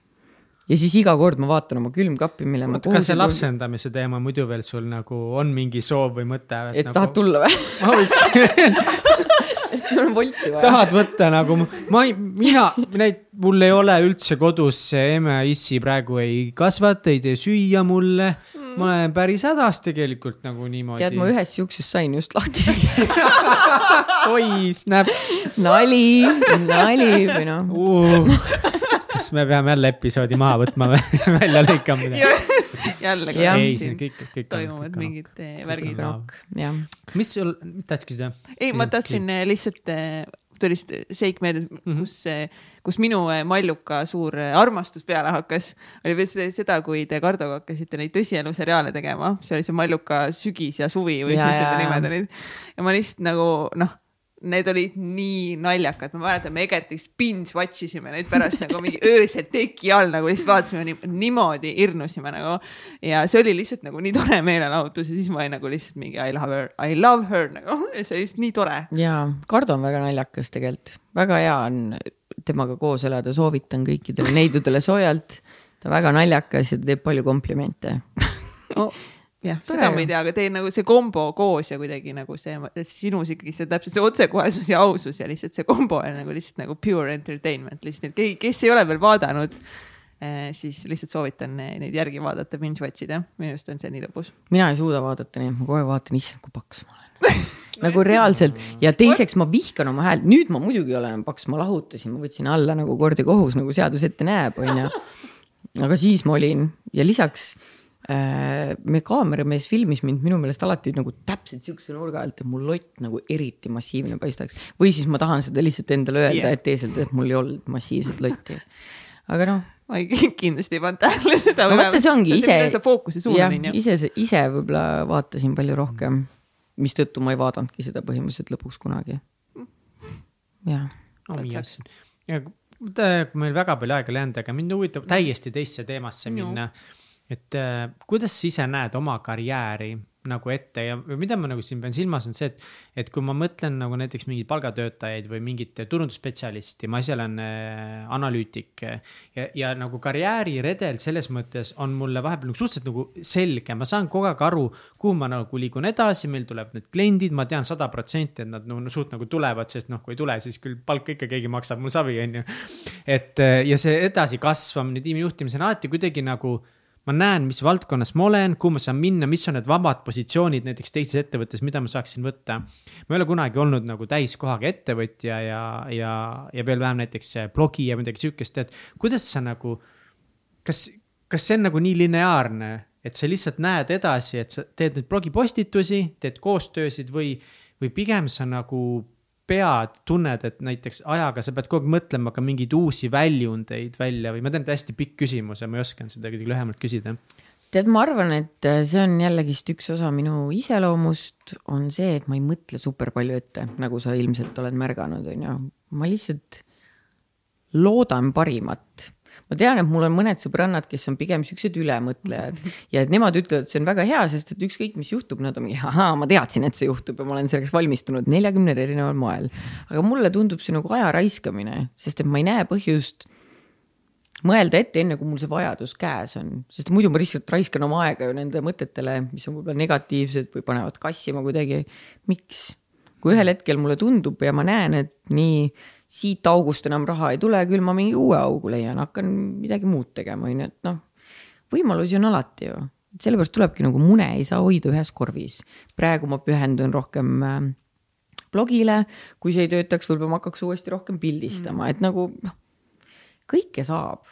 kui, kui sa ei mõtle super palju sellele, lihtsalt kuidagi ujud kuskile, siis küll saad, ma arvan, mul on töötanud siiamaani. usaldab elu. jah yes.. mulle meeldib see attitude, seda on nagu äge kuulda ja, ja see on võib-olla nagu julgustav ka mingil määral, et, et näiteks ongi ka noh, töölt ära tulemine, väga paljud unistavad teha midagi, mida nad unistavad teha. ja, ja, ja siis äh, oma elu selle tee muutmine või, või võttes otsus vastu ja minna teisele rajale tundub niivõrd hirmus. just needsamad küsimused, mis siis nagu saab, kuidas ma hakkama saan, ongi, kuidas ma need munad, kuidas käib see munade tõstmine mitmesse korvi, on ju. proovima erinevaid asju lihtsalt mm. -hmm. et nagu enne sa ei tea ju, mida sa teha oskad, kui sa proovinud ei ole ma arvan. ja väga vabalt võib juhtuda, et proovid midagi avastad, holy shit, ma olen ülihea selles see on ju ülimeeldiv ja kui sa ei ole, siis sa oled nagu noh, proovin järgmist asja. sellepärast ongi ju inimestel hobid või mina näiteks, mul on suur plaan olnud konkreetselt pool aastat ja ma ei tea, miks ma ei ole seda teinud. ma tahan minna sinna tundi, kus sa saad tead savist mingi vaasi või tassi endale teha mul on peas nagu illusioon, et ma oleks great at it, aga ma ei tea, kas ma olen, enne kui ma seda plönni endal valmis teha ei saa. mulle see tundub mega keeruline teha seda nagu. ma ei usu, lapsed käivad seda tegemas. aga vaata, mis välja tulevad last mingi. nojah, aga sa ütledki, et see on kunst ju, ma ei tea. pärast värvid selle ilusaks, ma ei tea, proovida ju võib. muidugi, täiega. nii et äh, kui ma nüüd välja mõtlen, kus seda teha saab, siis ma lähen. aga milles sa oled väga hea? mis sa arvad, milles sina oled väga hea mm.? ma arvan,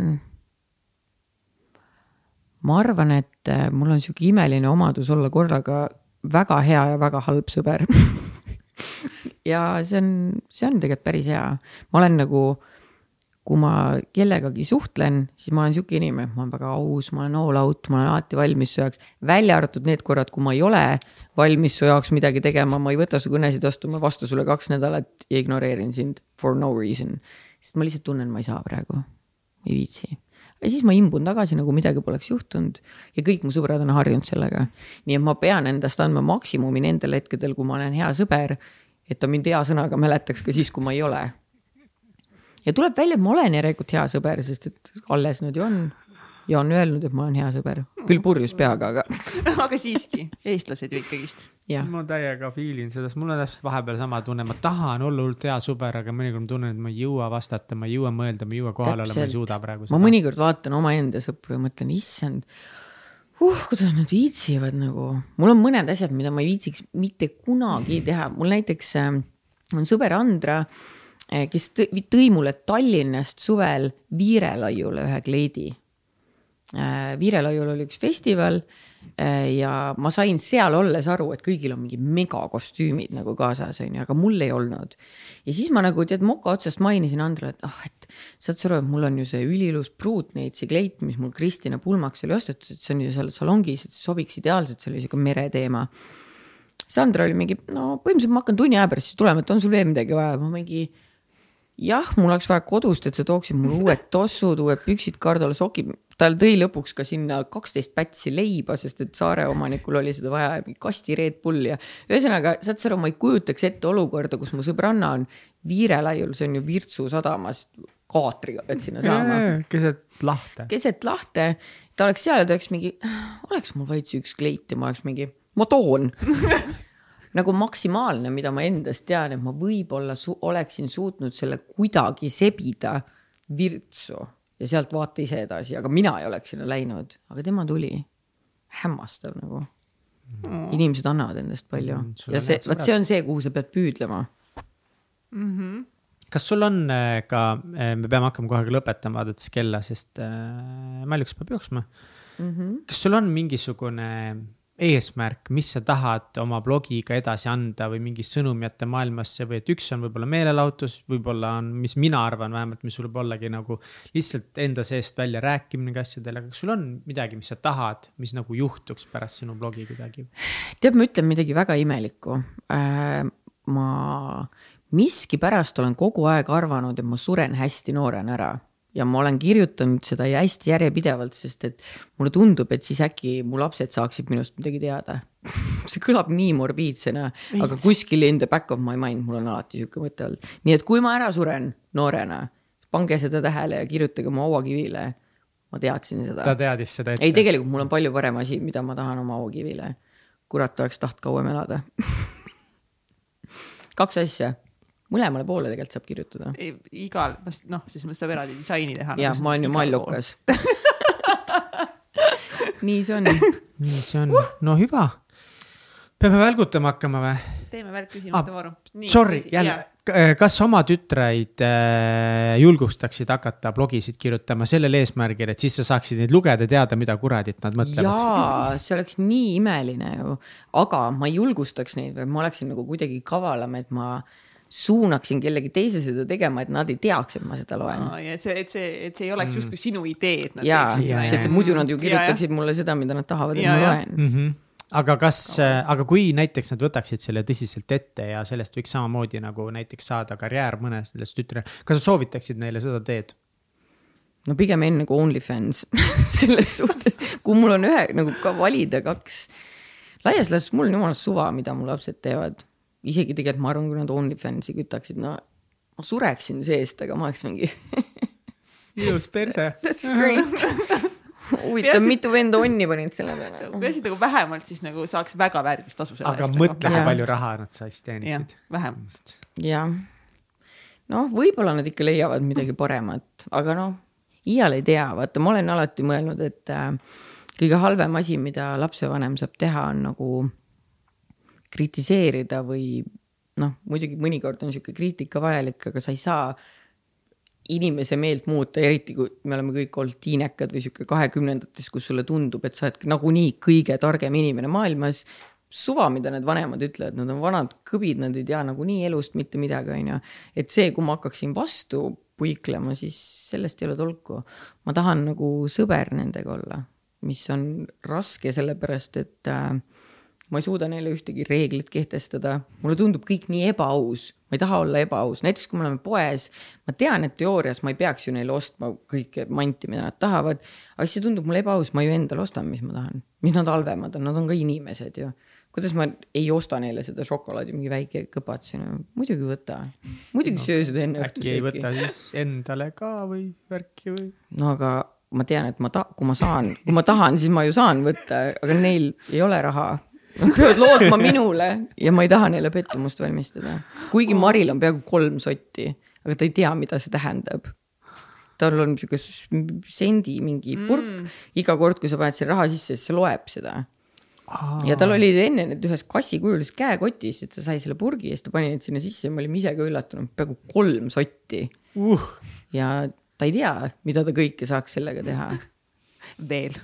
veel Subscribe ida mõne tüübi OnlyFansi näiteks meestel on OnlyFans või? ja ma olen kuulnud, et on. ma nagu, ma veits uurin. olgu, mul on kiire. mis, mis minu variandid siin OnlyFansis on? ma lähen koju meeste OnlyFanse vaatama. nii. tähelepanu. nii valmis olla. kas sul on olulisi rutiine või harjumusi, mida sa teed igapäevaselt või iganädalaselt? pigem tapaks ennast. Eh, milles sa väga hea ei ole?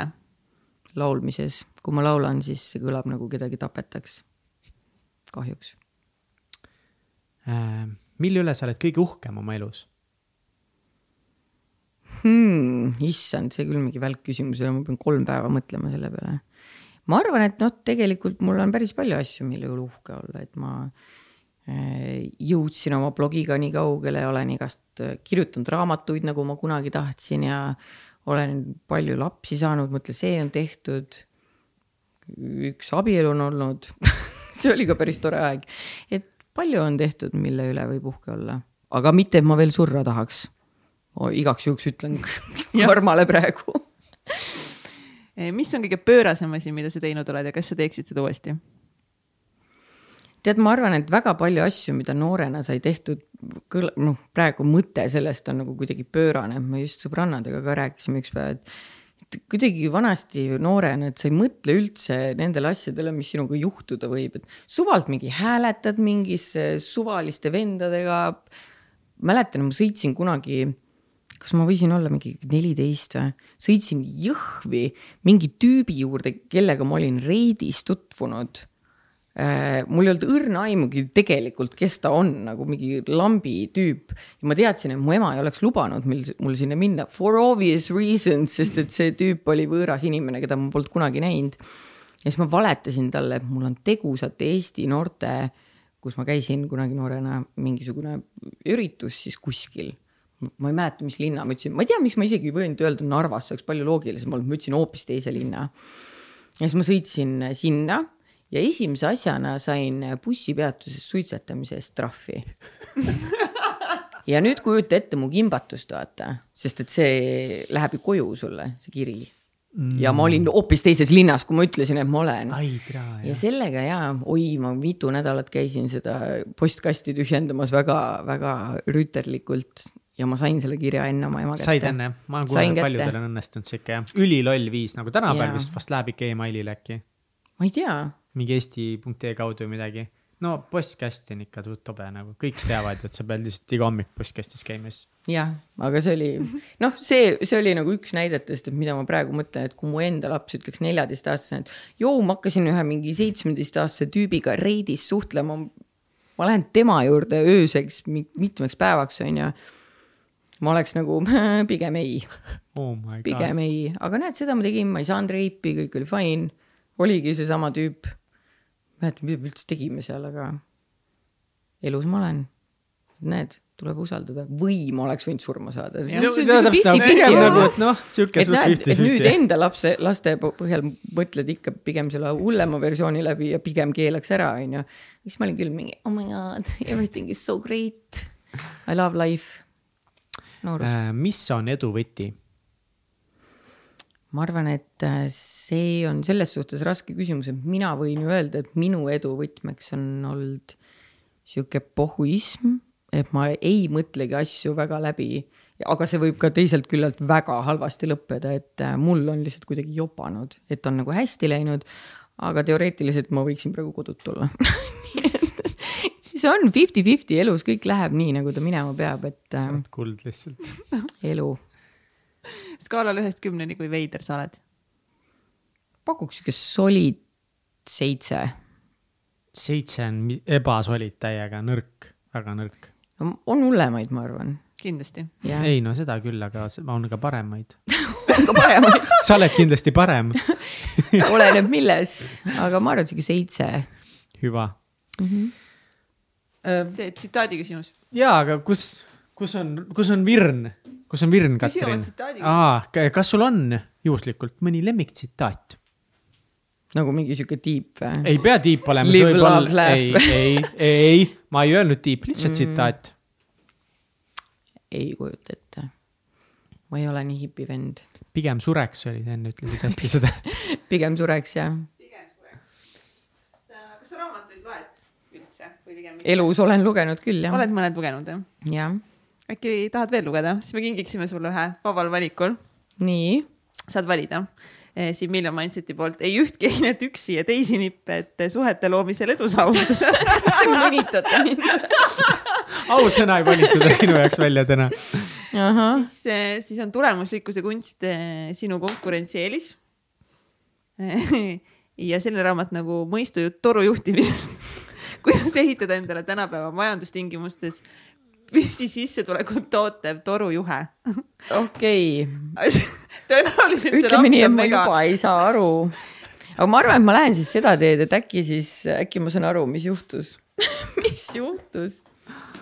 võib-olla tõesti, oh my god. see torujuht, me raamat, sellele on lihtsalt, ma ei tea, mis. peaks peab mingi torumehe kutsuma siia. peaks mingi torumehe kutsuma, mis ingliskeelne pealkiri on, ma ei kujuta ette, aga no mitte see kindlasti. mitte see, mitte see. aitäh sulle sinu aja eest, aitäh, et sa tulid siia, ülinaljakas oli, ülilõbus oli. väheks jäi seda aega. mul on nii suur pissijäda. super, lähme pissile oh. ja aitäh teie, minge ka teie pissile. tšau. tšau. aitäh, et kuulasid saadet Täitsa Pekkis saade tõid teieni Katrin Hindrikus-Karu ja Mihkel Vetemaa. tehniline juht Egert Karu. supernatas by Triin Tallo. ÜRO Supreme Manager Kelly Treu. ja NASA juhtivanalüütik Kaari Aupaju. kui see saade läks sulle korda ja inspireeris sind, siis toeta meid Patreonis, patreon.com, kaldkriips, täitsa pekkis tee ära. saadet toetavad United Dream Studios, Tint Disain, Million Mindset kirjastus ja Blender. järgmise korrani